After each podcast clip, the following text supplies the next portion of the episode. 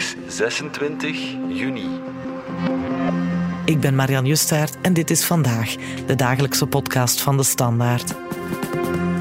Onwaarschijnlijke taferelen in Rusland zaterdag. Yevgeny Prigozhin, de leider van de Wagnergroep, dat is een huurlingenleger dat aan de zijde van de Russen vecht, keerde zich tegen het Kremlin voor het oog van de wereld. Een echte oorlog binnen Rusland werd uiteindelijk vermeden, maar dat deze opstand, een coup bijna, Poetin schade heeft toegebracht, staat buiten kijf.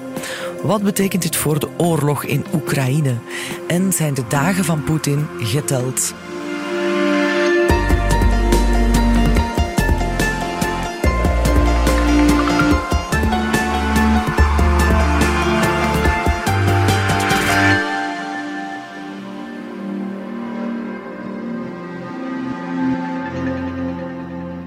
Dag Koen Vidal, chef van onze buitenlandredactie. Welkom in onze studio. Wat was dat allemaal dit weekend? Ik denk dat we collectief grote ogen trokken bij uh, de putsch, die dan ineens geen putsch meer bleek te zijn.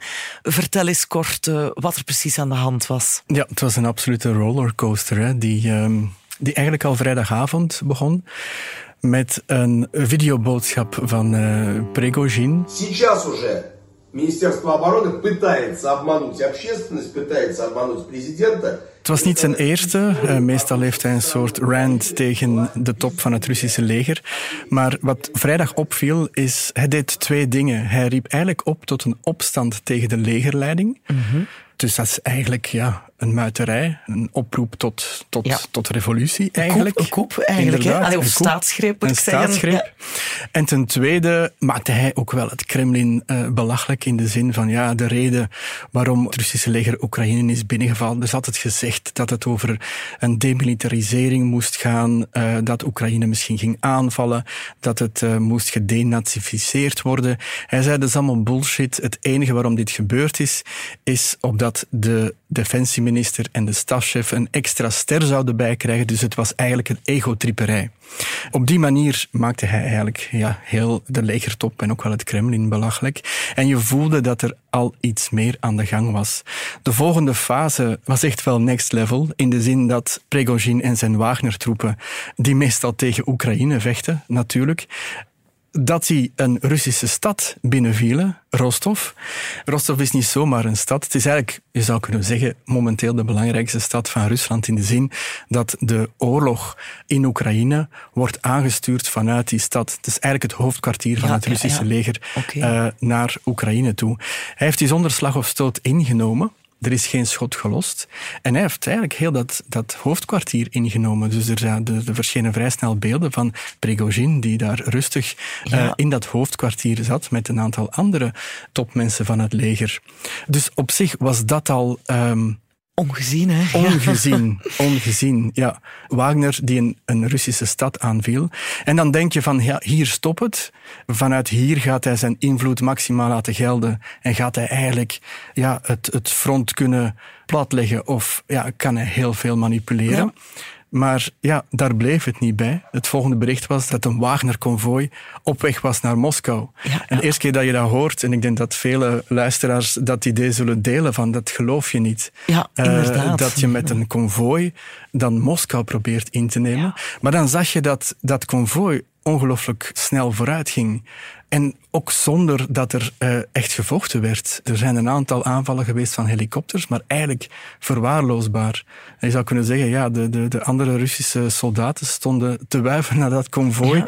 Dat is een Oh, beetje ja, ja. overdreven, maar daar komt het op, ook wel op neer. Dat konvooi dat kon heel snel oprukken.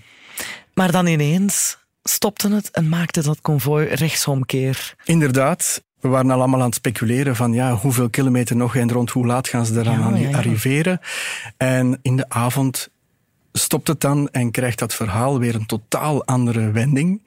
In de zin dat je hoort dat uh, ja, Prigozhin op aansturen van Lukashenko, de president van uh, Wit-Rusland, die eigenlijk de afgelopen maanden niet zo belangrijk leek. Die altijd naast Poetin stond, maar eigenlijk een beetje niets aan het doen was.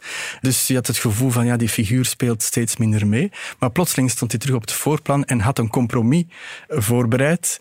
En dat compromis wat daar precies in staat, het zal niet op papier staan en we weten niet alle voorwaarden, maar het komt erop neer, of wat we ervan weten, beter gezegd, is dat Rigozhin naar Wit-Rusland in een soort ballingschap mag.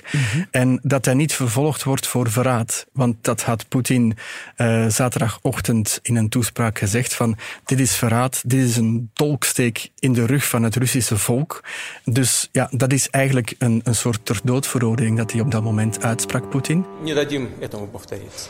Защитим и наш народ, и нашу государственность от любых угроз. En s'avonds werd dat allemaal herroepen. Dus uh, Ja, er vreemd. zijn Ik stond ongelooflijke af, ja. dingen gebeurd. En daarop zijn er nog wendingen gebeurd die, ja, die nooit gezien zijn Ja. eigenlijk. Even inzoomen misschien op die figuur van Prigozhin, Mhm. en de baas van eh, de Wagner-groep, Ja. het huurlingenleger Ja. eh, aan de Russische zijde, of toch ja, voorheen aan de Russische zijde. Ja, die man was toch al langer kritiek aan het geven op de legerleiding en dan op het einde ook op de oorlog zelf. Ja. Je vraagt je af, waarom heeft Poetin hem laten begaan? Hoe komt het überhaupt dat die man nog in leven is? Mhm. Zelfs. Ja, inderdaad, omdat hij zo machtig is. En ook omdat hij eigenlijk over een strijdmacht beschikt die eh, succesvol was in Oekraïne. Ja. De slag om Bakhmut is eigenlijk dankzij Wagner en Prigozhin is men erin geslaagd om de stad in te nemen. Hij heeft dat ook constant aan het uitspelen geweest. Van ik ben de enige die dat kan. Dus met ongelooflijke menselijke verliezen geweest. Ja, ja. Maar voor hem was dat blijkbaar bloedig, niet het eh, belangrijkste. Eh, maar dus, ja, hij, is wel, hij was wel echt machtig aan het front. Mhm. En bovendien zijn videoboodschappen, die kwamen wel aan bij een groot deel. Ten eerste bij zijn strijders, maar ook wel bij Russische soldaten. Omdat hij ongelooflijk veel kritiek had op de legertop. En ja, daar viel wel iets voor te zeggen in de zin dat ja, de toelevering van munitie, van, van voedsel enzovoort, dat is allemaal heel problematisch geweest. Hij heeft zich daar eigenlijk ook wel populair bij gemaakt bij een deel van het Russische leger bij de soldaten. Ja. Zijn macht komt ook uit zijn verleden. In de zin dat Wagner moest altijd het vuile werk van Poetin opknappen. Dus in 2014, zeg maar de eerste invasie in Oekraïne, speelde Wagner een zeer belangrijke rol. Daarna eh, in Syrië, toen het misliep, Russische belangen in Syrië en het Assad-leger deed het heel slecht. Ja. Wagner is daar naartoe gestuurd en heeft dat voor een stuk gekenterd. Ook om grondstoffen uit Afrika te trekken, vooral goud. Daar is ook Wagner naartoe gestuurd om eigenlijk Rusland een soort geopolitieke speler te maken daar. Dus, en ook veel geld en goud naar Rusland te trekken. Dus ja, Prigozhin is natuurlijk niet de eerste, de beste. Het is een machtige machtig. figuur. Het maakt het toch des te vreemder dat hij zich dan plots ineens heeft teruggetrokken, dat hij teruggedraaid is. Heeft hij zijn hand overspeeld? Dat is een hele goede vraag natuurlijk. En de hamvraag van het weekend. Ehm, ten eerste stond op 200 kilometer van Moskou stond er blijkbaar toch wel een, een, een serieuze legermacht op hem te wachten. Ja. Eh, het is niet zo dat alle Russische soldaten in Oekraïne zitten, maar rondom Moskou Ja. eh, is natuurlijk wel wat aanwezig van hardware en van militairen. Die stonden er wel degelijk op te wachten. Dus dat was al een, een eerste probleem. Ten tweede, en nu zitten we een beetje in de analyse, speculatie, want je leest eh, de afgelopen 24 Ja, uur zoveel, moet hij toch gedacht hebben van ik heb momenteel eh, niet genoeg eh, steun Mhm. in het Kremlin om door te trekken. Ze gaan mijn konvooi hier afschieten. Ik ben niet bereid om dat op te offeren. Ja, Ehm, dus ik denk dat dat een aantal afwegingen geweest zijn om, om te stoppen. Bovendien, ja, met die bemiddelingsrol van Lukashenko is er ja, wel iets uitgekomen. Ja, namelijk want dat wat zijn- heeft hij exact gekregen? Eh, welke, met welke beloftes is hij naar huis gestuurd? Wat hij exact gekregen heeft, is, is niet bekend. Maar er zijn een aantal essentiële dingen bekend. Namelijk dat hij zonder voor verraad gestraft te worden naar Wit-Rusland mocht. Dat zijn troepen die niet direct betrokken waren bij het konvooi, niet vervolgd zouden worden. Eh, dus dat zijn een aantal heel belangrijke dingen. En dan, maar dat is niet bevestigd, en dat weten we dus eigenlijk nog niet, zou er ook een aantal verschuivingen binnen de legertop beloofd zijn. Maar ik zeg maar, dat, dat weten we dus eigenlijk niet. Wat hij wel heeft gedaan, en dan denk ik dat dat het belangrijkste element is van dit weekend. Hij heeft Poetin verzwakt. Ja. En ik denk dat dat misschien wel het meest essentiële is van wat hij wou bewerkstelligen. En misschien niet alleen Prigozhin, maar misschien ook een aantal mensen, topmensen in het Kremlin. Want daar hebben we nu het raden naar van wie staat er nog naast Poetin en wie staat er onvoorwaardelijk naast Poetin. Ik denk dat dat na dit weekend allemaal zeer twijfelachtig is. En dat er bijzonder veel onrust en zenuwachtigheid is. Op wie kan Poetin nog rekenen? Ja, ja, ja. En ik gebruik graag het beeld van ja, het, het Kremlin dat zo mooi is en dat, dat altijd onaantastbaar lijkt. Maar ik denk dat er, dat er een paar torens van het Kremlin zijn gesneuveld. En dat het toch een, een beetje op een ruïne begint te lijken. lijken, ja. Niet helemaal. Ik denk dat Poetin nog altijd een machtige man is. Maar hij heeft wel macht moeten inboeten. Hij heeft Ja. bijvoorbeeld 's morgens nog gezegd: Het is een verrader, we gaan hem straffen. En s'avonds zegt hij: Hij mag vrijuit naar Wit-Rusland. Dat is wel waar. Ja, nu die, die tv-toespraak eh, waarin hij dat zei, zou je kunnen interpreteren als op paniekvoetbal. Anderzijds was hij daar ook wel heel fors. Toonde hij zich daar misschien ook wel eh, een hele sterke autoritaire leider. Ik denk dat hij niet anders kon op dat moment. Hij, hij was ook wel niet bij naam, want Prigozhin in zijn rant van vrijdag heeft Poetin niet bij naam genoemd. Dat heeft hij eigenlijk nooit gedaan. Dus ik denk dat hij zo die president toch nog een beetje in de luwte wou houden. Maar ja, het Kremlin is wel beledigd in die toespraak van Prigozhin. Dus Poetin moest iets doen. Zeker op het moment dat hij zag dat ja, Rostov wordt ingenomen. Dat is, dat is, dat is ongelooflijk eh, problematisch voor hem geweest. Hij kon bijna niet anders dan zeggen, dit is verraad. Ja. Ik denk dat hij ook niet verwacht had dat er dan nog een konvooi naar de hoofdstad ging worden gestuurd. En naarmate dat konvooi kilometer per kilometer dichterbij kwam, werd het probleem voor Poetin ook wel groter en groter. Ik las zo her en der van, oké, de interne verdeeldheid is bloot te komen liggen. Er is een machtsvacuum. Maar is dat zo? Want de finale eh, conclusie is toch dat Poetin uiteindelijk blijft zitten. Misschien zou je zelfs kunnen zeggen, hij zit er sterker dan ooit. Want zijn grootste vijand is met de staart tussen de benen naar Wit-Rusland gestuurd. Wat er gebeurd is, is in ieder geval ongebruikelijk, want Poetin was in Rusland de grote meester van eh, verdeel en heers. Dus hij speelde machtige partijen uit tegen elkaar en hij bleef zelf buiten schot. Nu wordt hem verweten van die spanning tussen Prigozhin en de legertop. Je hebt dat gewoon niet goed beheerst. Uw meesterlijk spel is gewoon niet gespeeld. Ja. Je hebt je afzijdig gehouden, je hebt het eigenlijk laten rotten. Ja. Want de grote consequentie, en cruciaal waarschijnlijk voor de komende dagen, weken en maanden, is dat ook de situatie aan het front wel verzwakt is. En eh, de toekomst van Poetin hangt af van deze oorlog. Ja. En je moet je voorstellen, je bent Russisch soldaat, je zit daar aan het front en eh, je hoort daar zaterdag flarden, want ja, die, die hebben geen internet, maar er zullen wel flarden op en af gekomen zijn van ja, ze zijn nu met elkaar aan het vechten in, in, Ja, ja. in tussen Rostov en Moskou. Ja, dat moet sowieso een, een mentaal effect hebben. Dat moet sowieso een mentale opdoffer zijn. Vooral omdat op dat moment het Oekraïense leger ook wel zijn offensief verstevigd heeft. Dus je staat daar Ja, als... tuurlijk. als- Die Oekraïners die wreven zich in de handen. Hè? ja, inderdaad. Ehm, ik denk de euforie in Oekraïne moet ongelooflijk geweest zijn op het moment dat ze hoorden van Prigozhin heeft Rostov ingenomen, is op weg met zijn konvooi naar Moskou en gaat misschien wel Moskou innemen. Ja, voor Oekraïne was dat zo'n immense verzwakking en vandaar dat ze ook meer van die eh, ja, offensieve spelden prikken om te gaan onderzoeken waar is, eh, is het front verzwakt, Eh, moeten we nu eh, de forsing voeren.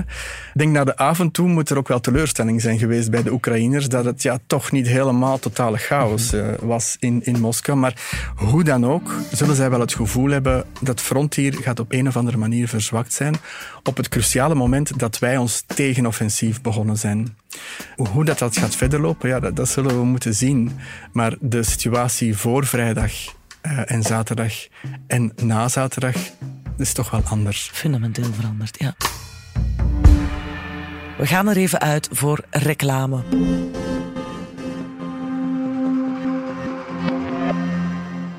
Waarom dat ik met mijn neus in dat Super 8 Flandrieiglas zit? Ah, ben ik de cola aan het verkennen, hè?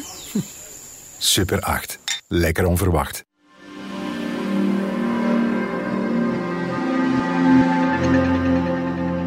Om nog even bij die oorlog te blijven. Hè.